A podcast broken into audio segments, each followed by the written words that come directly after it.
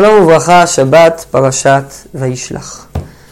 השבוע אנחנו נתמקד בנושא שאומנם עיקרו נושא אה, מחשבתי, רעיוני, השאלות שעומדות בבסיסו הן שאלות אה, מטה הלכתיות אולי, אבל בסופו של דבר יש בו גם צד לא מבוטל של הלכה למעשה. וסוגיה שאומנם מקורות בדלים, אבל ננסה להתרכז בה כמה שנוכל. הדיון שלנו מתחיל בעצם מהמעשה של שמעון ולוי בני יעקב בעיר שכם. לא ממעשה ההריגה של אנשי שכם, שגם עליו אפשר לדבר ולהרחיב הרבה, אלא דווקא מההסכם שהם הציעו לאנשי שכם לפני כן. לאחר שראו שמעון ולוי שביתם, שאחותם, דינה, נלקחה על ידי שכם בן חמור, הם uh, הציעו לאנשי שכם, ויאמרו עליהם, לא נוכל לעשות הדבר הזה, לתת את אחותנו לאיש אשר לא עולה, כי חרפה היא לנו. אך בזאת נאות לכם, אם תהיו חמונו, לאמול לכם כל זכר. ונתנו את בנותינו לכם, ואת בנותיכם ניקח לנו, וישבנו איתכם, והיינו לעם אחד. ואם לא תשמעו אלינו לאמול, ולקחנו את ביתנו, והלכנו. מציעים כאן שמעון ולוי הסכם לאנשי שכם. אתם תימולו, תעשו ברית מילה, ואנחנו בתמורה נתחתן בכם, ניתן לכם את אחותינו. אז במדרש כבר בפסיק תזוטרתא ומדרשים נוספים על הפרשה, כתוב לאמו לכם כל זכר לשם שמיים ולא לשם חיתונים. שכשם שקיבלנו בריתו של אברהם אבינו מבין שמונת ימים, מילת קדושה ולא מילת טומאה.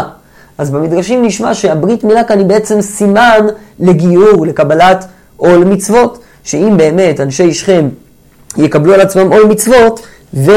אה, ייכנסו לכלל ישראל, אז באמת בני יעקב יסכימו לתת להם מדינה. על פי זה, על פי ההבנה הזאת של המדרשים, באמת שמעון ולוי התכוונו לעמוד בהסכם שלהם, ההסכם היה אמיתי. אלא שמאחר ששמעון ולוי ראו שאומנם בני שכם נימולים, אבל הם עדיין עובדים עבודה זרה, דהיינו המילה שלהם היא לא מילה אמיתית, אלא מילה של טומאה. ממילא הם גם כן לא עמדו בהסכם ולא הביאו את דידה אחותם. זה קצת מיישב על הדעת את ההתנהגות של שמעון ולוי, לפחות את החלק של הפרת ההסכם שבו. אבל אנחנו דווקא נלך לא על פי המדרש, אלא על פי פשוטו של מקרא. בפשט הפסוקים הבעיה היא רק המילה. השאלה האם הם נימולים או לא נימולים. ואם בני שכם יסכימו להיות נימולים, לכאורה שמעון ולוי ייתנו להם את דינה ושלום על ישראל, מה שנקרא. ונשאלת כאן השאלה האם הסכם כזה הוא בכלל לגיטימי. האם שמעון ולוי יכולים להציע לבני נוח, לבני שכם, שאינם יהודים, למול. הגמרא במסכת עבודה זרה, ונגיע אליה בהמשך, דף כ"ו עמוד ב' אומרת, תנו רבנן ישראל מל את העובד כוכבים לשם גר, לאפוקי לשום מורנה דלא. אומרת כאן הגמרא שמותר לישראל למול גוי לשם גרות. אבל לשם מורנה, שזה סוג של רפואה, איזה תולעת שנמצאת באותו מקום שבשבילו רצו לחתוך את העורלה, אז לשם, או לשם רפואה בכלל, יש איסור למול את הגוי. יש שהבינו שהאיסור כאן מצד רפואה בגוי, שאסורה בכל מקרה על פי הגמרא בעבודה זרה. יש כאלה שהבינו שיש כאן דין מיוחד בברית מילה, שברית מילה היא אות קודש בין עם ישראל לבין הקדוש ברוך הוא, ולא ראוי להכניס גויים באותה ברית קדושה. ממילא מתוך השאלה הזאת, האם מותר לגויים למול או לא, אנחנו נדרשים גם לשאלה כללית. האם לגויים מותר לשמור תורה ומצוות? לא את שבע מצוות בני נוח שבהם הם חייבים, אלא מצוות אחרות. והשאלה הזאת מתחלקת לכמה רבדים. קודם כל, האם מותר לגוי לשמור מצוות אחרות או לא? ברובד נוסף, האם יש משמעות למצוות שנעשות על ידי הגוי, או שאנחנו מתירים לו לעשות את המצוות, אבל הם כמעשה קוף בעלמא. לדוגמה, האם גוי שהביא קורבן, הקורבן הזה קדוש או לא קדוש? גוי שהפריש תרומות ומעשרות, האם הם קדושים או לא קדושים? האם יש למעשה המצווה שלו גם כן השלכות הלכתיות? אז אנחנו נתחיל את הדיון מהנקודה שמכניסה אותנו אליו, מברית מילה. הרמב"ם בהלכות מילה, פרק ג' הלכה ז', כותב עובד כוכבים שצריך לחתך עורלתו מפני מכה או מפני שכין שנולד בה, היה אסור לישראל לחתוך לו אותה. והסיבה היא שעכו"מן מעלים אותה מידי מיטה ולא מורידים אותה מלאה, אסור לרפות עכו. אף על פי שנעשית מצווה ברפואה זו, אף על פי שברית מילה היא מצווה, שהרי לא נתכוון למצווה. מה הסיבה של הרמב"ם שאסור למול, למול גוי לשם רפואה? כי הוא לא מתכוון למצווה. לפיכך, אם נתכוון העכו"ם למילה, מותר לישראל למול אותו. וכאן מחדש הרמב"ם חידוש. אם הגוי רוצה למול לשם מצוות מילה, מותר לישראל למול אותו. ולא מדובר כאן דווקא על בני ישמעאל, שאולי הם בני קטורה, שגם כן נתחייבו במילה לפי הרמב"ם, רק בצורה קצת שונה מבני ישראל, אלא מדובר כאן על גוי לגמרי, שלא נתחייב למילה, במילה בכלל. ובכל זאת אומר הרמב"ם, שניתן למול אותו לש, לשם מצווה. כל הבעיה היא למול לשם רפואה. כמו שראינו, דברי הרמב"ם מתבססים על הגמרא בעבודה זרה, אלא שהוא מסביר שהגמרא אסרה רק רפואה לגוי, אבל מילה שהיא לשם מצווה ולא לרפואה, מותרת. והרמב"ם, העיקרון הזה של הרמב"ם, שגויים יכולים לקיים מצוות, מופיע בעוד כמה מקומות. ראשית כל, בשו"ת פאר הדור בסימן כ', הרמב"ם מרחיב באותה נקודה, מבאר את הגמרא בעבודה זרה ואת הפסק שלו בהלכות מילה פרק ג' הלכה ז', וגם שם הוא פוסק שמותר למול גוי לשם מצווה. בהלכות מלכים, פרק י', הרמב"ם דן בשאלה הכללית האם גוי יכול לקיים מצוות או לא. בהלכה ט' כותב הרמב"ם, גוי שעסק בתורה חייב מיתה. לא יעסוק אלא בשבע מצוות שלהם בלבד. וכן גוי ששבת, אפילו ביום מימות החול, אם עשהו לעצמו כמו שבת, חייב מיתה. ואין צריך לומר, אם עשה מועד לעצמו. כללו של דבר, אין מניחין אותן לחדש דת ולעשות מצוות לעצמן מדעתן. אלא, או יהיה גר צדק ויקבל כל המצוות, או יעמוד בתורתו ולא יוסיף ולא יגרע. ואם עסק בתורה, או שבת, או שבת, או חידש דבר, מכין אותו ועונשים אותו, ומודיעין אותו שהוא חייב מיתה על זה, אבל אינו נהרג. כאן בעצם נשמע מהרמב"ם שגוי לא, יכול, לא יכול לקיים מצוות. ובאמת הרמב"ם מתבסס כאן על שתי גמרות במסכת סנהדרין, אחת בדף נ"ח ואחת בדף נ"ט, הן מגיעות מיד אחרי השנייה. אחת אחרי השנייה, אחת שאוסרת לגוי לשבות, גוי ששבת חייב מיתה, ואחת שאוסרת עליו לעסוק בתורה. אבל על שתי הגמרות האלה מוסיף הרמב"ם חידוש נוסף, והוא הכללו של דבר שהרמב"ם מביא, שאין מניחים את הגויים לחדש דת ולעשות מצווה לעצמן מדעתם. לכאורה הרמב"ם מדבר כאן על איסור בל תוסיף, כמו שהרמב"ם עומד, אומר בהמשך, הוא יעמוד בתורתו ולא יוסיף ולא יגרע. אף על פי שאיסור בל תוסיף ובל תגרע, לא נכלל בשתי המצוות שאמרו שגוי שעשה אותם חייב מיתה. אז ננסה להבין מאיפה הרמב"ם הסיק את הכלל הזה. אז קודם כל נראה את שתי הגמרות. בדף נ"ח עמוד ב' בסנהדרין, אמר ישלק איש נוחי ששבת חייב מיתה, שנאמר ויום ולילה לא ישבותו. אז יש כאן פסוק, יום ולילה לא ישבותו. אמנם הוא נאמר על עונות השנה, אבל אף על פי כן דרשה אותו הגמרא גם על גויים. ואמר בר אזהרה שלהם זוהי מיתתם, אמר אבינה אפילו שני בשבת. ואז הגמרא שואלת למה זה לא נחשב משם המצוות בני נוח ועונה. אבל בכל אופן אנחנו רואים גם שיש פסוק מפורש שאומר שגוי ששבת חייב מיתה. אותו דבר לגבי לימוד תורה. ואמר רבי יוחנן, נוכרי שעוסק בתורה חייב מיתה. רק נעיר שמעניין שרבי יוחנן מביא את המימרה הזאת מיד אחרי המימרה של ריש לקיש, בייחוד סביב הסיפור של רבי יוחנן וריש לקיש, יכול להיות שיש בזה איזשהו רמז, אמנם הוא לא היה נוכרי, אבל בסדר. שנאמר תורה ציווה לנו משה מורשה, לנו מורשה ולא להם. גם כאן יש פסוק. תורה ציווה לנו משה מורשה. מקשה הגמרא על זה, הרי אנחנו יודעים שאפילו נוכרי ועוסק בתורה הוא ככהן גדול לעניין עלייה לתורה ולעניין הקדמה, אז אומרת הגמרא, זה בשבע מצוות דידן. בשתי האיסורים, גם האיסור לשבות וגם האיסור ללמוד תורה, מובא פסוק. מהעובדה שצריך פסוק בשביל לאסור את המצוות האלה בקיום מבני נוח, ניתן בהחלט לדייק שאת שאר המצוות בני נוח כן יכולים לעשות. וכך באמת פוסק הרמב"ם מהלכה י' בן נוח שרצה לעשות מצווה משאר מצוות התורה כדי לקבל שכר, אין מונים אותו לעשותה כהלכתה. ואם מביא עולה, מקבלים ממנו, נתן צדקה, מקבלים ממנו. אז הרמב"ם פוסק שגוי יכול לקיים מצוות. אז מה אסור לו לעשות? אסור לגוי לחדש דת ולעשות מצוות לעצמו מדעתו. אבל מותר לו לקיים מצוות שהן קיימות. וכאן נשאלת השאלה, מאיפה הרמב"ם מוסיף את האיסור השלישי שמופיע לנו? כמו שהעלינו. הרי בגמרא מופיעים רק שני איסורים, לשניהם יש פסוקים מסוימים. אז כמה דרכים נאמרו בזה. המאירי, בחידושים שלו לסנהדרין שם, מסביר מה היסוד של שני האיסורים, של שביתה ושל לימוד תורה. לכאורה, לגבי לימוד תורה, דברים פשוטים. תורה ציווה לנו משה, מורשה, כן, מאורסה, התורה היא הקשר של הקדוש ברוך הוא עם עם ישראל, ועם ישראל קשור לקדוש ברוך הוא יותר מאומות העולם. לכן גוי לא יכול להתפלפל בסוגיות אביי ורבא ורב חיים וקצות, ויהודי כן. אלא אם כן, הגוי צריך ללמוד למעשה, שבע מצוות נוח. לגבי שבת, מסביר רש"י בסנהדרין, שהיסוד של איסור שביתה הוא שבני נוח נצטוו לעבוד ולא לשבות. איסור דומה לומד הגר"א מהפסוק ששת ימים תעשה מלאכתך, על פי הספרי, שיש איסור ליהודי לשבות בששת ימי המעשה. דהיינו, אדם לעמל יולד, אדם נולד בשביל לפעול בעולם, בשביל לעבוד, הוא לא רשאי סתם ככה לשבות בעצמו. אז עם ישראל בשבת קיבלו היתר מיוחד לשבות. אבל סתם ככה אי אפשר לשבות. שני הטעמים האלו הם טעמים ספציפיים למצוות מסוימות, מצוות תלמוד תורה שהיא הקשר בין עם ישראל לקדוש ברוך הוא, קודש בריחו ואורייתא חדם, והחובה המיוחדת של האדם לעבוד, אבל לכאורה אי אפשר ללמוד מהם למצוות אחרות, ואם כן איך הרמב"ם בכל זאת למד.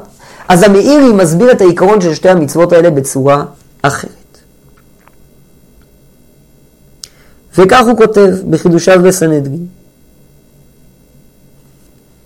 כמו שאמרו כאן, אף בשני בשבת אין מניחים אותו לחדש בו ולקבוע יום חג לעצמו, לשבות בו מתורת חג, שזה נראה כמי שהוא מבני עמנו, וילמדו אחרים ממנו. אבל שאר מצוות אין מונים ממנו. שאמרו, שהרי אמרו לקבל קורבנותיו וצדקותיו. וכן הדין, אם עסק בתורה שלא לכוונת קיום עיקרי מצוותיה, ראוי להיענש, אני קורא בדילוגים, מפני שבני אדם סבורים עליו שהוא משלנו, מתוך שרואים אותו יודע, ויבואו לטעות אחריו. אומר המאיר היסוד של שתי המצוות האלה, שבת ותלמוד תורה, זה שאנשים חושבים שהגוי הוא חלק מעם ישראל. ולכן הם יבואו לטעות אחריו, ויחשבו שאם הוא נוהג ככה וככה, כך צריך לנהוג. וכך אנשים יבואו לטעות במצוות. ממילא אפשר להסיק על פי ההסבר של המעיל לשתי הגמרות האלו, גם את ההעסקה של הרמב"ם עשה. כן, כללו של דבר, הגוי אסור לו לשנות דברים בתורה. אסור לו להוסיף דברים, או, או, או לחדש מצוות שהוא לא חייב בהם. כי אם הוא מחדש מצוות, זה נראה כאילו הוא חלק מהסיפור הזה של עם ישראל, וממילא אנשים יבואו לטעות אחריו. אבל עדיין לא כל כך מובן מה היחס בין המצוות האלו לבין מצוות, בין סתם מצוות שגוי יכול לקיים, לבין אה, הוספת מצווה שבה יש טעות שיבואו לטעות אחרי הגוי. אולי אפשר להגיד שהחילוק הוא שאם הגוי מקיים מצווה קיימת, אז אה, אין בעיה של טעות, כי אדרבה, אנשים יעשו את המצווה. כן, רק הבעיה, אולי אפשר לדייק את זה גם אה, אה, מלשון הרמב"ם, שהרמב"ם מביא קודם כל את הדין של שביתה, ואז את הדין של לעשות שבת ביום מימות החול, או להוסיף חג מעצמו, שזאת דווקא הבעיה, דווקא הוספת מצווה אחרת, שלא כתובה בתרי"ג מצוות, כי אנשים יבואו לטעות ולעשות את אותה מצווה. כך נראה להסביר את דברי הרמב"ם על פי המעי. אפשר להציע עוד שתי הצעות בדברי הרמב"ם. האיגרות מוישה, גם מוישה פיינשטיין בחלק ב' סימן ז', יש לו סימן ארוך שמדבר על הנושא הזה, ושם הוא מציע שזו הטעם של גזירת הכתוב בשבת. כן? צריך לומר שדין זהו משום שמפרש טעם איסור שביתה של גזירת הכתוב כדי שלא יתראה כחידוש דת שזה אסור להם. זה צריכים לקיים לשם מצוות משום שנצטוו בתורה. והודיענו על ידי משה רבנו שבני נוח מקודם נצטוו בהם, כדי כתב ברמב"ם בסוף פרק ח' ובקביעת יום לשביתה ולחג, אף שלא עם מצווה, נראה לכל כחידוש דת, ולכן אסרה להם תורה בכל אופן. ואם כן, יש למלך מזה שלחדש דת ממש, דו לעשות מצווה לעצמם, אז זה אסור. הוא מביא דוגמה את הערבים, שהנהיגו לעצמם תפילות ודברים כאלו. מה אומר כאן בעצם רב מוישה פיינשטיין? למה אסור לגוי לשבות? לא כי יש בעיה שגוי שובת, אלא כי יש בעיה שגוי ממציא מצווה לעצמו. מצוות שבת לא נאמרה לגוי, נאמרה רק לעם ישראל. ממילא, אם הגוי שובת, הוא כאילו מחדש עוד מצווה שהוא מחויב בה, שמונת מצוות בני נוח ולא שבעה. למה זה לא נכון לגבי שאר מצוות? אני לא יודע. אולי. קצת נשמע ככה מהלשון של רב מוישה פיינשטיין, שיש משהו מיוחד בקביעת יום לשביתה ולחג. זה יום עם חלות הלכתית, זה לא רק מעשה סתם ככה שאדם עושה. אולי זה ההבדל בין קביעת חג למועדים אחרים. ההסבר הזה פחות מתיישב לי בדברי הרמב"ם. הסבר שלישי שאפשר להציע בדברי הרמב"ם, קשור בכלל להבנת הרמב"ם בדין בל תוסיף. הרמב"ם בהלכות ממרים, יש לו אריכות בדין בל תוסיף, ושם עולה מכמה מקומות ברמב"ם, לא נוכיח אותם כרגע, אבל מכמה מקומות עולה ברמב"ם שבעצם המהות של בל תוסיף היא שינוי התורה. שאדם משנה את התורה מכמות שהיא. למשל, הרמב"ם פוסק שם שאם אדם אומר על מצווה דה רבנן, שהיא מדאורייתא, הוא עובר על בל תוסיף. לכאורה נשאלת השאלה, למה? למה איסור נהג כמו שצריך? אז הוא נטל ארבע מינים שבעת ימים, רק הוא חשב שזה דאורייתא, ולא אמר שששת הימים האחרונים במדינה היא מדה רבנן. אז מה? התשובה היא, כיוון שהאדם שינה את התורה, בעיניו כתוב בתורה משהו שלא כתוב בתורה, אז בעיניו התורה נראית בצורה שונה, זה האיסור בבל תוסיף. אם כן, הגיוני מאוד שאיסור בל תוסיף יש שייך גם בגוי. גם לגוי אסור לשנות את התורה, אמנם מותר לו לקיים מצוות, אבל להוסיף או לגרוע, אסור לו, זה לא איסור שנאמר רק בישראל. מתעצמת השאלה לפי זה, למה, למה לא מנעו את זה בשבעת מצוות בנוח? טוב, על זה אפשר להרחיב, אבל אין כאן מקום. אז הסברנו את הרמב"ם בשלוש דרכים, בכל אופן יוצא מהרמב"ם בהלכות מלכים, שלגוי מותר לקיים מצוות. עוד נקודה שחשוב לשים לב אליה, אומר הרמב"ם, כדי לקבל שכר. בניגוד לעם ישראל, ששם אנחנו מעדיפים את המצוות שלא כדי לקבל שכר, אל תהיו כעבדים המשמשים את הרב על מנת לקבל פרס. אז לגבי גוי, אולי מה שמתיר לגוי לעשות מצוות זה דווקא העובדה שהוא עושה אותם בשביל לקבל שכר, ואם כן, במקרה שלנו, לבני שכם בוודאי היה מותר, בני העיר שכם בוודאי היה מותר למול, מכיוון שהם עשו את זה על מנת לקבל שכר. ואולי אפשר למצוא כאן גם, כאן גם רמז לזה ששיטת הרמב"ם היא שבאמת אסור לגוי לקיים מצוות, אלא אם כן הוא מקיים אותם לשם קבלת שכר. נמשיך מאילך גיסא, גם נקודה שחשוב לציין, יכול להיות שהמשפט כדי לקבל שכר מוכיח ברמב"ם שלא רק שגויים מצווים על מצוות, לא רק שיש להם היתר לעשות מצוות, אלא הם גם מקבלים על עשיית המצוות שכר. ואם דיברנו בתחילת השיעור על שני רבדים, האם הם מותר להם לעשות מצוות, והאם יש למצוות שלהם חלות, כאן נכנס רובד שלישי, אולי אמצעי בין שני הראשונים. האם גויים מקבלים שכר על המצוות שלהם, או לא? האם יש כאן רק היתר שאין לו משמעות, או שיש כאן היתר ושכרו בצידו? מקום שלישי שבו עולה מדברי הרמב"ם, שלגויים מותר לקיים מצוות, ולא רק שמותר להם לקיים מצוות, אלא גם יש להם חלות, ולא רק שיש להם חלות הלכתית, אלא גם מקבלים עליהם שכר, ובפירוש המשניות לרמב"ם במסכת תרומות. פרק ג' משנה ט' אומרת המשנה, עובר כוכבים וכותי, תרומתן תרומה ומעשרותן מעשר והקדשן הקדש. אם עובד כוכבים הפריש תרומה, היא תרומה. נחלקו הראשונים המפרשים על המשנה, גם הראשונים גם האחרונים, האם מדובר כאן על תרומה מדאורייתא או על תרומה מדרבנן. מכיוון שבפרק א', משנה א' במסכת תרומות כתוב שגוי לא יכול לתרום ואם הוא תרם אין תרומתו תרומה. אז יש שחילקו ואמרו שבפרק א', משנה א', מדובר על תרומות ומעשרות של ישראל שהגוי מפריש אותם. שם למדו בגמרא בקידושין, אתם גם אתם, לרבות שלוחכם כמותכם, שגוי לא יכול לעשות שליח של ישראל בשביל להפריש תרומות ומעשרות של ישראל. לעומת זאת, בפרק ג', משנה ט', מדובר על גוי שהפריש פירות משל עצמו. ובאה המשנה ומחדשת גם מדאורייתא שיש למעשה ומשמעות, והתרומה הזאת יש עליה שם תרומה. כך מסביר הרמב"ם, בפירוש המשניות שם. אף על פי שאין הגויים חייבים במצוות. אם קיימו מהם משהו, דברים מפורשים, מקבלים עליהם מקצת שכר. וזה מן הכללים אצלנו. והואילו מקבלים עליהם שכר, מעשיהם בהם קיימים, כמו שאתה רואה. אומר הרמב"ם, יש קבלת שכר לגוי שקיים מצוות. מה הראיה שתרומתו תרומה? אם יש כאן חלות תרומה, ודאי שיש כאן גם שכר. המצווה פעלה משהו, לא רק בעולם הגשמי, אלא גם בעולמות רוחניים, ולכן יש כאן חלות הלכתית למצווה, וגם יש לה קבלת שכר. אז אם כן ראינו את שיטתו של הרמב"ם בשלוש מקומות. עדיין יש מחלוקת באחרונים איך להבין את דברי הרמב"ם.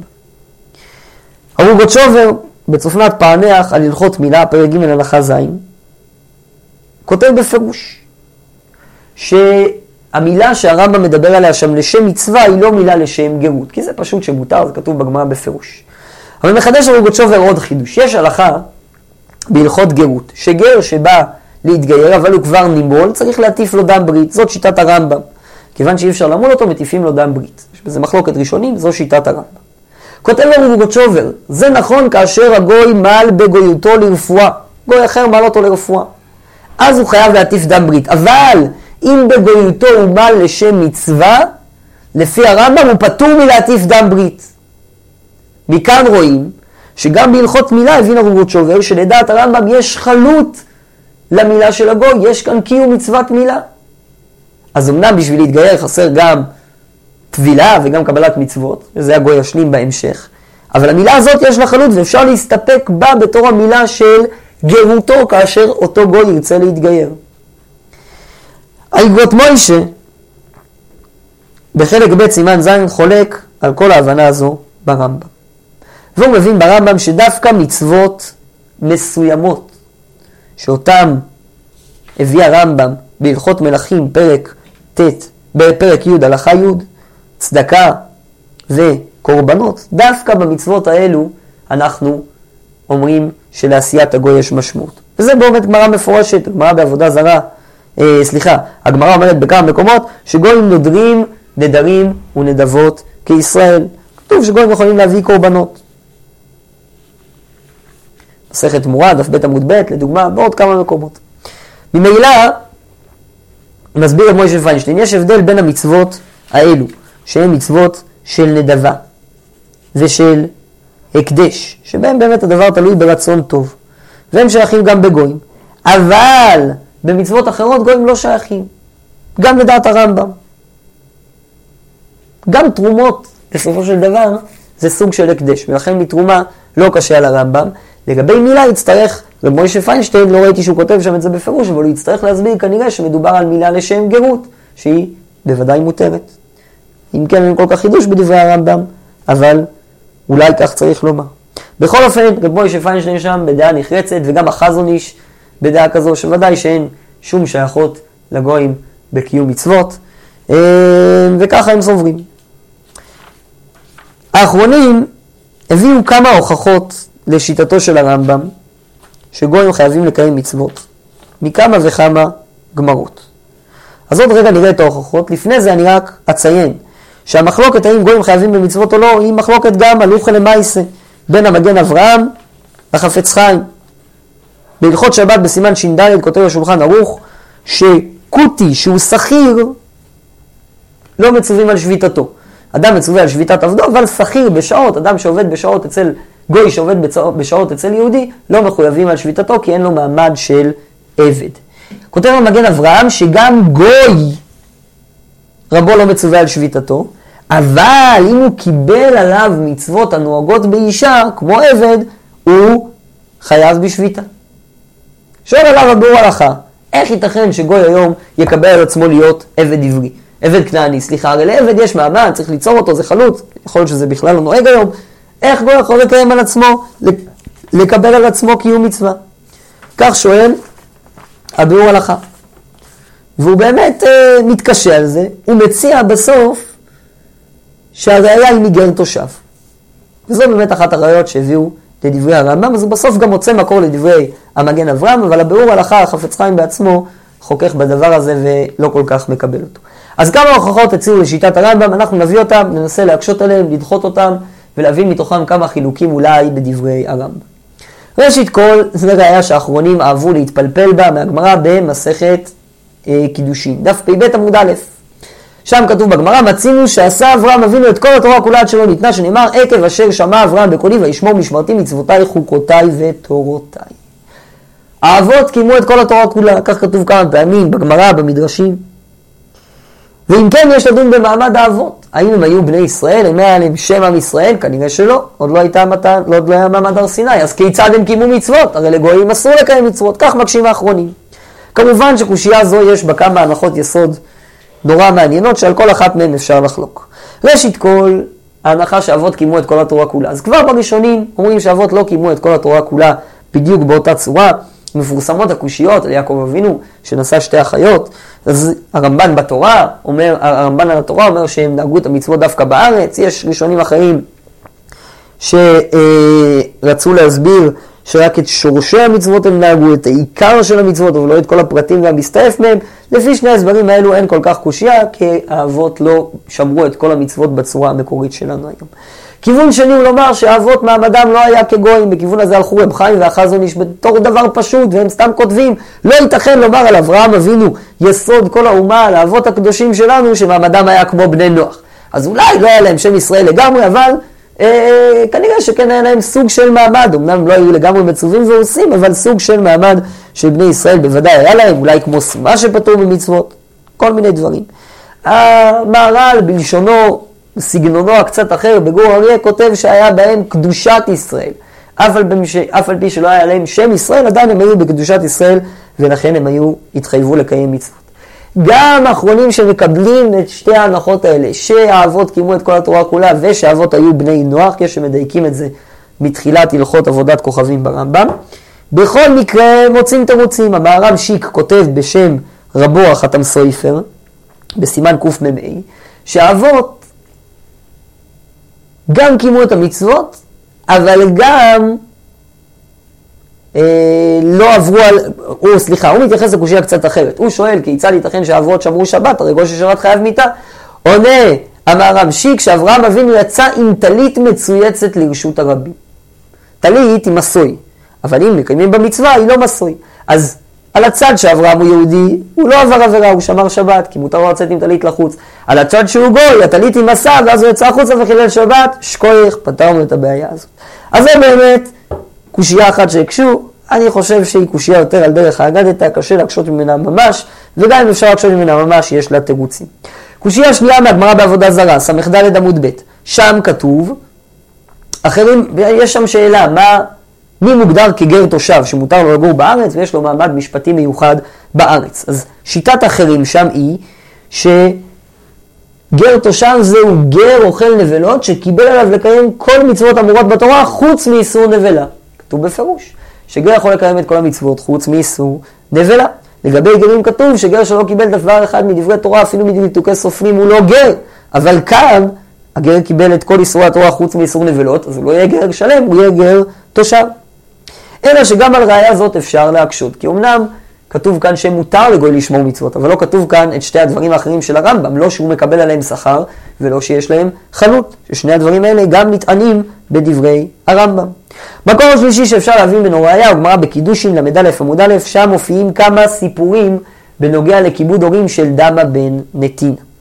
דמה בן נתינה היה עובד כוכבים אחד, כך מתחילה הגמרא. והוא קיים כיבוד הורים, ולא רק זה שהוא קיים, אלא ממנו למדו חכמים את השיעור של כיבוד הורים, שהוא שיעור נורא נורא גבוה וגדול.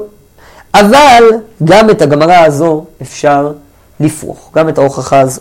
שהרי מצוות כיבוד הורים היא מצווה הגיונית, מצווה שכלית.